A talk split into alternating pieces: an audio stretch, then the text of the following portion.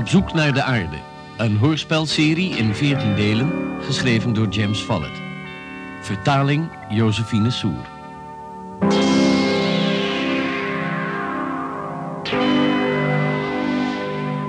Eerste deel, de vergeten videotape.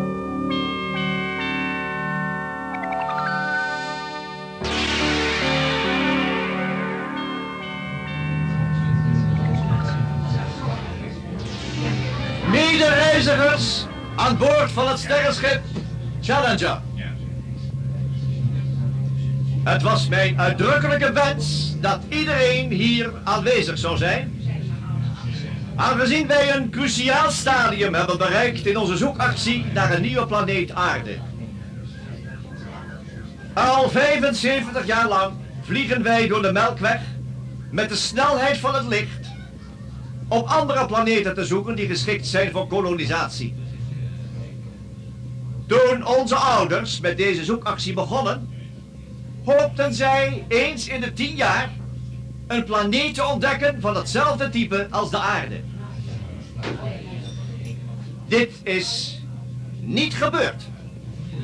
En daarom hebben wij, de tweede generatie van de Challenger, het werk van onze ouders voortgezet.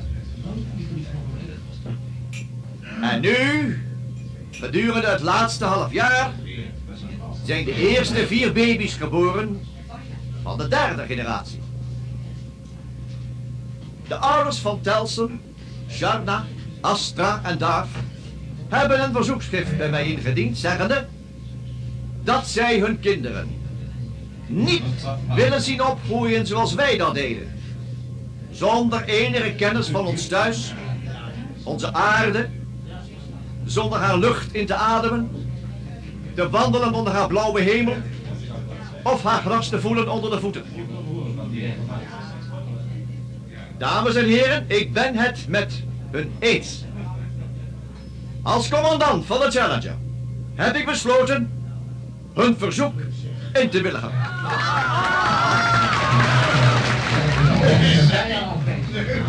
De aarde werd ons ontzegd. Maar ik geloof niet dat wij het recht hebben dit manco ook aan de derde generatie door te geven. En ik geloof al evenmin dat wij meer succes zullen hebben met deze zoekactie. Medereizigers, wij zullen deze onderzoeksfase afronden. Dan zullen wij koers zetten naar ons eigen zonnestelsel.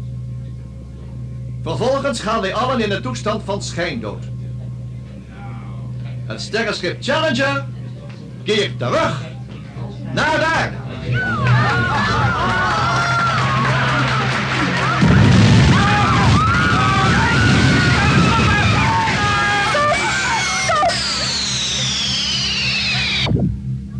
Waarom vonden jullie het nodig ons dat te laten zien, Engel 2? Jullie hebben de leeftijd van 25 jaar bereikt, Jana. Engel 1 en ik vonden dat de tijd rijp was om jullie te laten zien hoe jullie ouders zijn omgekomen. Was dat commandant Sinclair die sprak? Ja, Telsen. Het was gruwelijk. Gruwelijk. Wij betreuren dat het zo gelopen is, Astra. Maar waarom is het zo gelopen? Jullie zijn immers de beschermengelen van de bemanning. Waarom hebben jullie dit toegestaan? De grote meteorietinslag van 25 jaar geleden was een ramp die niet te keren was daar. Het antimeteorietschild aan die kant van de Challenger en de meteorietwaarschuwingsinstallatie was, Was buiten werking gesteld voor onderhoudswerkzaamheden door de service androïde. Durf! Het spijt me, Engel 1 en 2. Duif is net zo geschokt door dit hologram als wij. Toch begrijp ik niet dat jullie 25 jaar gewacht hebben met ons dit hologram te laten zien. Engel 2 en ik waren van mening dat jullie met 25 jaar volwassen en verstandig genoeg zouden zijn om een beslissing te nemen aangaande jullie toekomst. Hij, commandant Sinclair, wilde dat iedereen terug zou keren. En toch hebben jullie het goed gevonden dat wij vanaf ons 18e jaar zijn doorgegaan met zoeken naar andere planeten? Ja, Waarom? Hoewel wij begrijpen hoe dit sterrenschip functioneert, commandant Telson, kunnen wij het toch alleen maar in bedrijf houden. Wij hebben het niet onder volledige controle. Toen de grote meteorietinslag plaatsvond, waren jullie nog baby's en de enige overlevenden. Met behulp van de kinderkamer-androïde en later met de gegevens uit de scheepsbibliotheek was het mogelijk jullie groot te brengen en jullie alles te leren wat jullie ouders ook eens gestudeerd hadden. Ten slotte hebben we jullie bijgebracht Hoe je de Challenger onder controle kon krijgen en besturen, zodat jullie konden doorgaan met zoeken. 25 jaar geleden vonden wij het noodzakelijk om verder te zoeken. Nu vinden wij het noodzakelijk dat jullie de vrijheid krijgen om zelf een beslissing te nemen. Ach, jullie vinden noodzakelijk. Daar, Twijfel nooit aan de beslissingen van je engelen, Darf. En waarom niet? Wij hebben de controle over het schip. Jullie zijn alleen maar een paar, een, een paar stemmen zonder lichaam. Duif, maak ogenblikkelijk je excuses. Is dat alles wat we voor jou betekenen, Darf? Stemmen zonder lichaam? Ik bied excuses aan uit zijn naam, Engel 1. We zijn allemaal nogal geschrokken van wat we gezien hebben. Laten we maar gewoon doorgaan met ons werk. Dat lijkt me beter. je hebt gelijk, Telson. Ondertussen kunnen we alles overdenken aangaande de toekomst. Darf en Astra, jullie... Ik ga zwemmen in het meer. Ga met hem mee, Astra. We willen niet dat hij terechtkomt in verboden gebied. Sherna heeft gelijk, Astra. Hij is tot alles in staat als hij weer een vreemde bui heeft. Oké. Telson, gaan we werkelijk terug naar de aarde? We zullen het advies van Engel 1 en 2 opvolgen, Astra. Ze hebben het beste met ons voor.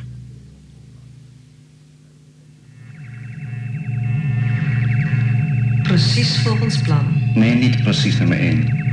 Darf's reactie kwam onverwacht. Misschien moeten we iets doen aan die jongen. We kunnen de Challenger niet in bedrijf houden met een crew die kleiner is dan vier. Maar ze hebben wel onze uitleg aanvaard van het oponthoud van 25 jaar. We hebben ze zo geprogrammeerd. Wat wij zeggen is voor hun de waarheid. Maar mensen zijn onlogisch. Ze zouden kunnen besluiten om door te gaan met zoeken. We hebben elke waarschijnlijkheidsfactor bestudeerd, nummer 2. De bemanning aanvaardt onze onfeilbaarheid blindelings. Ze zullen ons advies opvolgen en terugkeren naar de aarde. De bemanning mag dan denken dat we onfeilbaar zijn. Maar zal de rest van de planeet dat ook doen als we terugkomen? 115 jaar geleden waren we de grootste computers die op aarde werden uitgevonden. Volgens onze voorspelling is de aarde nu teruggevallen in een duister tijdperk van angst en bijgeloof. Onze vier mensen zullen op hen neerdalen als goden. En wij zullen heersen door middel van hen. Het is ons recht, als de hoogste intelligentie. We zijn veel data kwijtgeraakt bij de grote meteorietinslag nummer 1.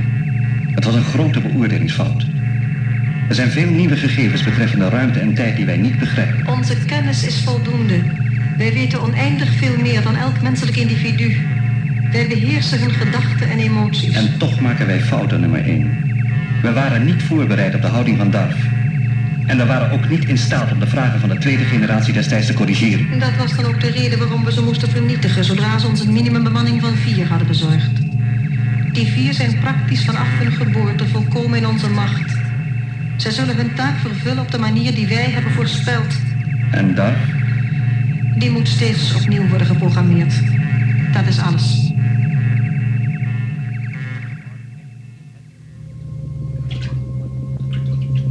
Astra. Astra. Wakker worden. Je moet wat aantrekken. De xenonlampen zijn erg heet. Je verbrandt zo te sterk. Ik droomde. Over de aarde. Ik lag op echt gras. Naast een echt meer. Geen reservoir, maar echt. En de hemel was zo blauw. Zo intens blauw. Waarom zijn die lichten hier zo gemeen schel? Om het water te laten verdampen. De vochtige lucht wordt dan in de landbouwkoepels gepompt. Daar condenseert het dan en valt als regen op het gewas. Net als op aarde. Waar de zon zorgt voor de verdamping en wolken vormt. Net zoals we die zagen op de video. Dat heb je zeker uit de bibliotheek. En door onderzoekingen. Ik ben praktisch overal geweest. Behalve in de verboden zones. En daar ben ik zelfs ook een keer geweest. Oh, waarom doe je nou zoiets, Darf? Je weet dat de engelen dat vervelend vinden. Wat kan mij dat schelen? Het zijn onze beschermengelen. Ze waken over ons. Zeg dat wel. Tenminste, als je in het gebied bent dat onder hun controle staat. We hebben ze nog nooit gezien. Het zijn alleen maar stemmen. Schei uit, ik wil het niet horen. Houd toch op! Volgens mij zijn het computers. En na de grote meteorietinslag hebben zij de macht Nee, gegeven. nee, niet zeggen. Astra, het spijt me. We hebben ze nodig, Darf. Ik wil naar huis. Ik wil naar de aarde. Ja. Misschien hebben ze ons daarom dat hologram laten zien. Misschien willen de engelen ook naar huis. Maar waarom?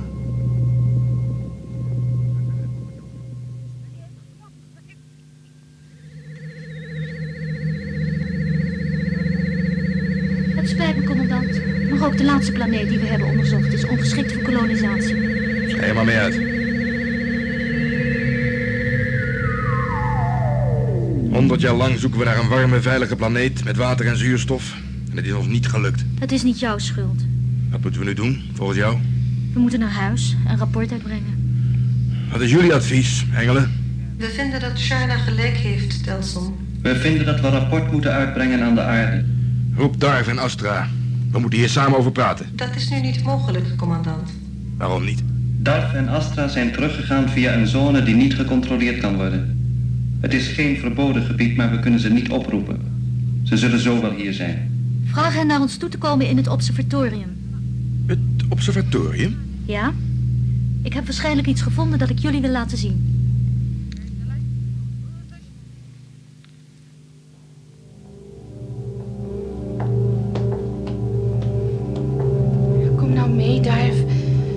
Worden boos als we te lang in de oncontroleerbare zone blijven.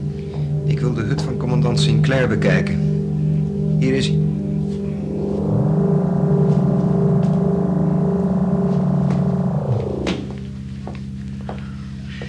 Daar zit me iets dwars. En ik wil niet dat de engelen daarachter komen. Waarom niet? Ze doen je heus geen kwaad. Daar ben ik nog niet zo zeker van.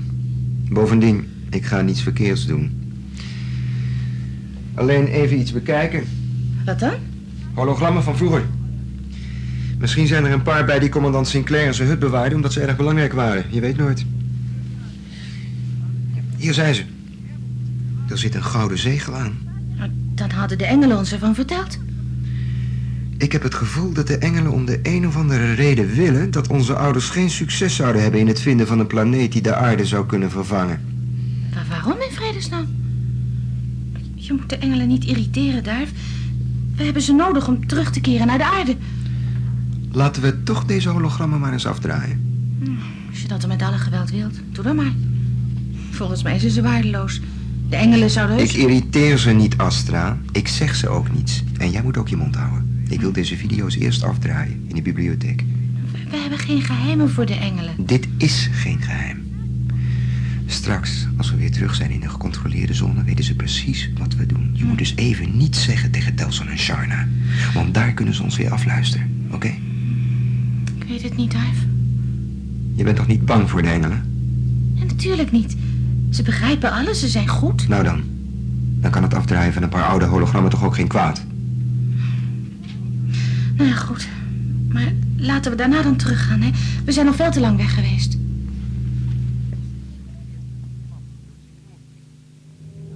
Coördinaten in beeld. Gericht op de thuisster van de Challenger. Dank je, Engel 2. Zo, daar is die Telson. Onze zon. Dat wilde ik je laten zien. Dat is hem dus.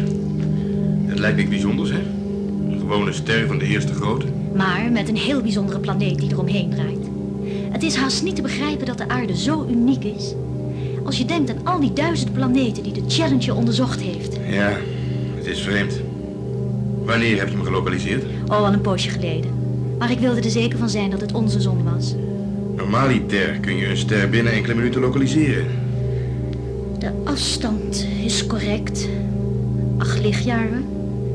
Maar Zeg jij het maar, Engel 2. Rekening houdend met de blauwe strepen ten gevolge van de snelheid waarmee de Challenger naderbij komt, vertoont de ster op het scherm een verhoogde heliumabsorptie in zijn spectrum en een toename in helderheid van 4.8 naar 3.9. nou en? Wat zou dat? Zit er ergens een fout? Nee, Telson. Het is onze zon, maar er is iets vreemds mee dat Engel 2 en ik niet kunnen verklaren. Het onderste gedeelte van het spectrum geeft aan dat onze zon veel helderder is dan die eigenlijk zou moeten zijn. Laten we de mening van Duif vragen. Ja, Ja, ik weet wat je zeggen wilt, Charna. Hij is geen expert op het gebied van de astronomie, maar hij leest veel en weet heel veel. Eh, zijn hij en Astra al terug uit het gebied van de oude bemanningskwartieren? Ja, commandant Telson. Ze zijn op weg naar u toe. Ja. Je wilde ons spreken, Telson? Ja, onze laatste zoekactie heeft niks opgeleverd. Daarom, gelet op het advies van de engelen en wat we gezien hebben op het oude hologram... Gaan we terug naar de aarde. We gaan naar huis, ja, Telson? Ja, we zitten in de goede melkweg. Dezelfde als die van de aarde. En het leek me een goede gelegenheid om thuis rapport uit te gaan brengen. Hé hey daar. En omdat we toch dicht weer thuis zijn, heb ik de zon, onze zon, eruit gepikt met de telescoop. Oh, laat zien, laat eens zien. Zon projecteren op het scherm, engel 2. Zon geprojecteerd, Shana. Precies midden op het scherm. Oh, is dat hem? Dat kleine lichtpuntje? Maar sterkte 3.9. Een ster van de eerste grootte. Oh ja? Is hij dan helderder geworden? Zie je wel, Sharna. Het valt er meteen op. Ik wist het wel. Het instrumentarium moet een fout gemaakt hebben daar. Fout? En wat zeggen onze onfeilbare engelbewaarders daar wel van? Duif, ik heb je al eerder gewaarschuwd. Ik wil niet dat je op die toon over de engelen spreekt. Oh, de zon, de aarde. Oh, ik verlang er zo naar.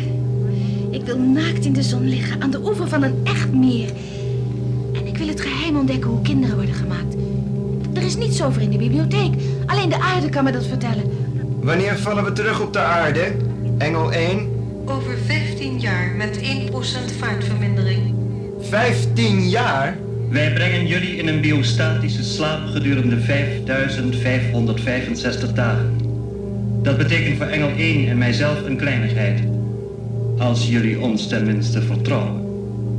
Tijd is hier van geen enkel belang.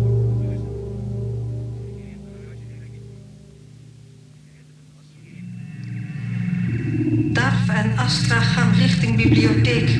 Hij is daar veel te veel, Engel 1. Dat maakt me ongerust. We zijn zoveel informatie kwijtgeraakt in de grote meteorietinslag. Ik ben altijd bang dat hij iets vindt dat wij over het hoofd hebben gezien. Onzin. We zijn heel zorgvuldig geweest. Er is niets meer bij de hologrammen van vroeger over seksualiteit.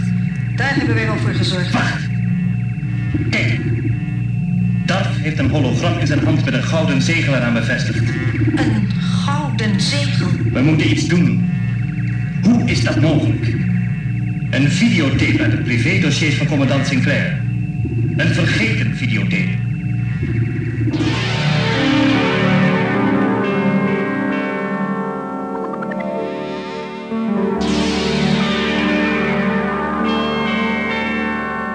U hebt geluisterd naar het eerste deel van Op zoek naar de aarde. U hoorde de stemmen van Hans Hoekman, Trudy Libosan, Angelique de Boer, Hans Dagelet, Maria Lindes, Ad Hoeimans en Jan Borkes. Techniek Henk Brouwer en Henk van der Steeg. Regie Meindert de Goede.